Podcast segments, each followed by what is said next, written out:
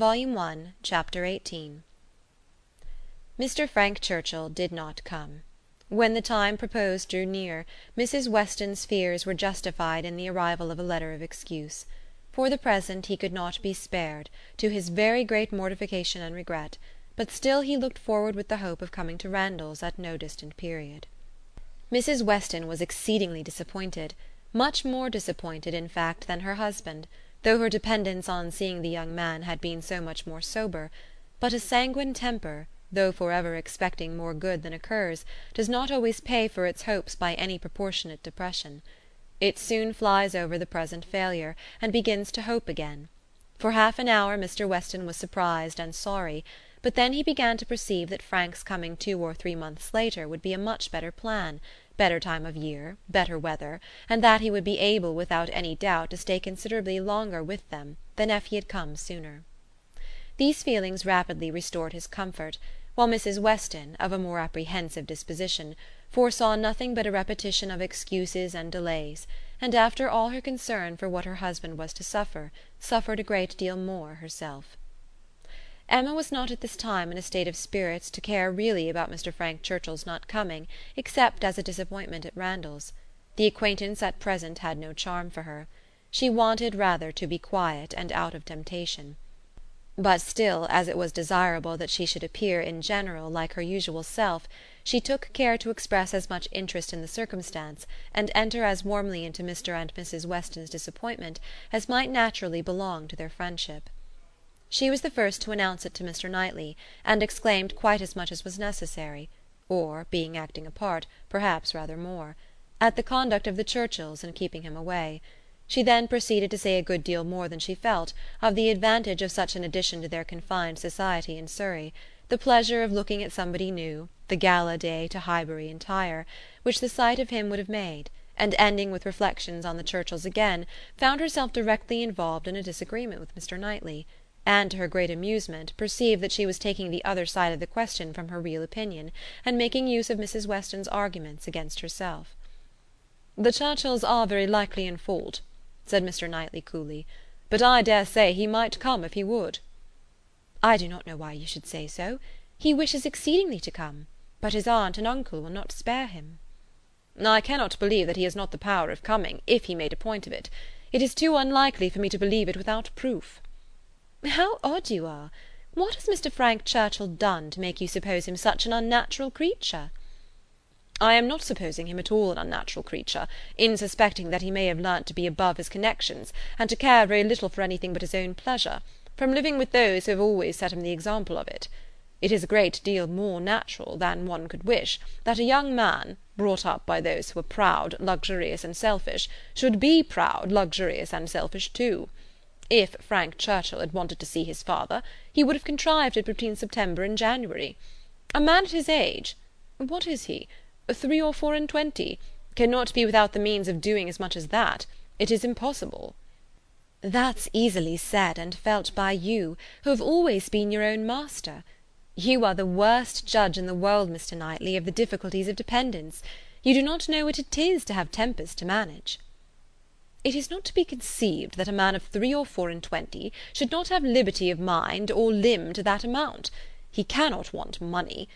He cannot want leisure. We know, on the contrary, that he has so much of both, that he is glad to get rid of them at the idlest haunts in the kingdom. We hear of him for ever at some watering place or other. A little while ago he was at Weymouth. This proves that he can leave the Churchills." "Yes, sometimes he can." "And those times are whenever he thinks it worth his while, whenever there is any temptation of pleasure." "It is very unfair to judge of anybody's conduct without an intimate knowledge of their situation. Nobody who has not been in the interior of a family can say what the difficulties of any individual of that family may be. We ought to be acquainted with Enscombe and with Mrs. Churchill's temper before we pretend to decide upon what her nephew can do. He may, at times, be able to do a great deal more than he can at others." "There is one thing, Emma, which a man can always do if he chooses, and that is, his duty; not by manoeuvring and finessing, but by vigour and resolution. It is Frank Churchill's duty to pay this attention to his father. He knows it to be so, by his promises and messages. but if he wished to do it, it might be done. A man who felt rightly would say at once, simply and resolutely to Mrs. Churchill, Every sacrifice of mere pleasure you will always find me ready to make to your convenience, but I must go and see my father immediately. I know he would be hurt by my failing in such a mark of respect to him on the present occasion. I shall, therefore, set off to morrow. If you would say so to her at once, in the tone of decision becoming a man, there would be no opposition made to his going." "No," said Emma, laughing, "but perhaps there might be some made to his coming back again. Such language for a young man entirely dependent to use! Nobody but you, Mr. Knightley, would imagine it possible. But you have not an idea of what is requisite in situations directly opposite to your own. Mr. Frank Churchill to be making such a speech as that to the uncle and aunt, who have brought him up, and are to provide for him! Standing up in the middle of the room, I suppose, and speaking as loud as he could! How can you imagine such conduct practicable?" "Depend upon it, Emma, a sensible man would find no difficulty in it. He would feel himself in the right; and the declaration made, of course, as a man of sense would make it, in a proper manner would do him more good, raise him higher, fix his interest stronger with the people he depended on, than all that a line of shifts and expedients can ever do. Respect would be added to affection. They would feel that they could trust him that the nephew who had done rightly by his father would do rightly by them; for they know as well as he does, as well as all the world must know, that he ought to pay this visit to his father; and while meanly exerting their power to delay it, are in their hearts not thinking the better of him for submitting to their whims. Respect for right conduct is felt by everybody. If he would act in this sort of manner, on principle, consistently, regularly, their little minds would bend to his." "I rather doubt that. You are very fond of bending little minds, but where little minds belong to rich people in authority, I think they have a knack of swelling out till they are quite as unmanageable as great ones. I can imagine, that if you, as you are, Mr. Knightley, were to be transported and placed all at once in Mr. Frank Churchill's situation, you would be able to say and do just what you have been recommending for him, and it might have a very good effect. The Churchills might not have a word to say in return but then you would have no habits of early obedience and long observance to break through. To him who has, it might not be so easy to burst forth at once into perfect independence, and set all their claims on his gratitude and regard at naught. He may have as strong a sense of what would be right as you can have, without being so equal, under particular circumstances, to act up to it." "Then it would not be so strong a sense. If it failed to produce equal exertion, it could not be an equal conviction. Oh, the difference of situation and habit! I wish you would try to understand what an amiable young man may be likely to feel in directly opposing those, whom, as child and boy, he has been looking up to all his life." "Our amiable young man is a very weak young man, if this be the first occasion of his carrying through a resolution to do right against the will of others. It ought to have been a habit with him by this time of following his duty, instead of consulting expediency. I can allow for the fears of the child, but not of the man. As he became rational, he ought to have roused himself and shaken off all that was unworthy in their authority. He ought to have opposed the first attempt on their side to make him slight his father. Had he begun as he ought, there would have been no difficulty now."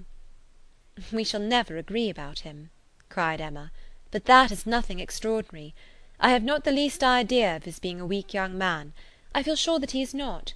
Mr. Weston would not be blind to folly, though in his own son; but he is very likely to have a more yielding, complying, mild disposition, than would suit your notions of a man's perfection. I dare say he has; and though it may cut him off from some advantages, it will secure him many others." "Yes, all the advantages of sitting still when he ought to move, and of leading a life of mere idle pleasure, and fancying himself extremely expert in finding excuses for it. He can sit down and write a fine flourishing letter, full of professions and falsehoods, and persuade himself that he has hit upon the very best method in the world of preserving peace at home, and preventing his father's having any right to complain. His letters disgust me." "Your feelings are singular. They seem to satisfy everybody else." "I suspect they do not satisfy Mrs. Weston. They hardly can satisfy a woman of her good sense and quick feelings standing in a mother's place, but without a mother's affection to blind her. It is on her account that attention to Randalls is doubly due, and she must doubly feel the omission. Had she been a person of consequence herself, he would have come, I dare say, and it would not have signified whether he did or no. Can you think your friend behind hand in these sort of considerations? Do you suppose she does not often say all this to herself? No, Emma, your amiable young man can be amiable only in French, not in English. He may be very aimable, have very good manners, and be very agreeable, but he can have no English delicacy toward the feelings of other people, nothing really amiable about him." "You seem determined to think ill of him." "Me? Not at all," replied Mr. Knightley, rather displeased. "I do not want to think ill of him. I should be as ready to acknowledge his merits as any other man; but I hear of none except what are merely personal, that he is well grown and good looking, with smooth plausible manners." "Well, if he have nothing else to recommend him, he will be a treasure at Highbury. We do not often look upon fine young men, well bred and agreeable. We must not be nice, and ask for all the virtues into the bargain. Cannot you imagine, Mr. Knightley, what a sensation his coming will produce? There will be but one subject throughout the parishes of Donwell and Highbury, and one interest, one object of curiosity. It will be all Mr. Frank Churchill. We shall think and speak of nobody else." "You will excuse my being so much overpowered. If I find him conversable, I shall be glad of his acquaintance; but if he is only a chattering coxcomb, he will not occupy much of my time or thoughts." "My idea of him is, that he can adapt his conversation to the taste of everybody and has the power as well as the wish of being universally agreeable. To you he will talk of farming, to me of drawing or music, and so on to everybody, having that general information on all subjects which will enable him to follow the lead, or take the lead, just as propriety may require, and to speak extremely well on each. That is my idea of him." "And mine," said Mr. Knightley warmly is, that if he turn out anything like it, he will be the most insufferable fellow breathing. What! at three and twenty to be the king of his company, the great man, the practised politician, who is to read everybody's character, and make everybody's talents conduce to the display of his own superiority? To be dispensing his flatteries around, that he may make all appear like fools compared with himself? My dear Emma, your own good sense could not endure such a puppy when it came to the point. "I will say no more about him," said Emma. "You turn everything to evil. We are both prejudiced, you against, I for him, and we have no chance of agreeing till he is really here." "Prejudiced? I am not prejudiced." "But I am very much, and without being at all ashamed of it. My love for Mr. and Mrs. Weston gives me a decided prejudice in his favour." "He is a person whom I never think of from one month's end to another." Said Mr. Knightley, with a degree of vexation, which made Emma immediately talk of something else, though she could not comprehend why he should be angry. To take a dislike to a young man, only because he appeared to be of a different disposition from himself, was unworthy the real liberality of mind which she was always used to acknowledge in him; for with all the high opinion of himself, which she had often laid to his charge, she had never before for a moment supposed it could make him unjust to the merit of another.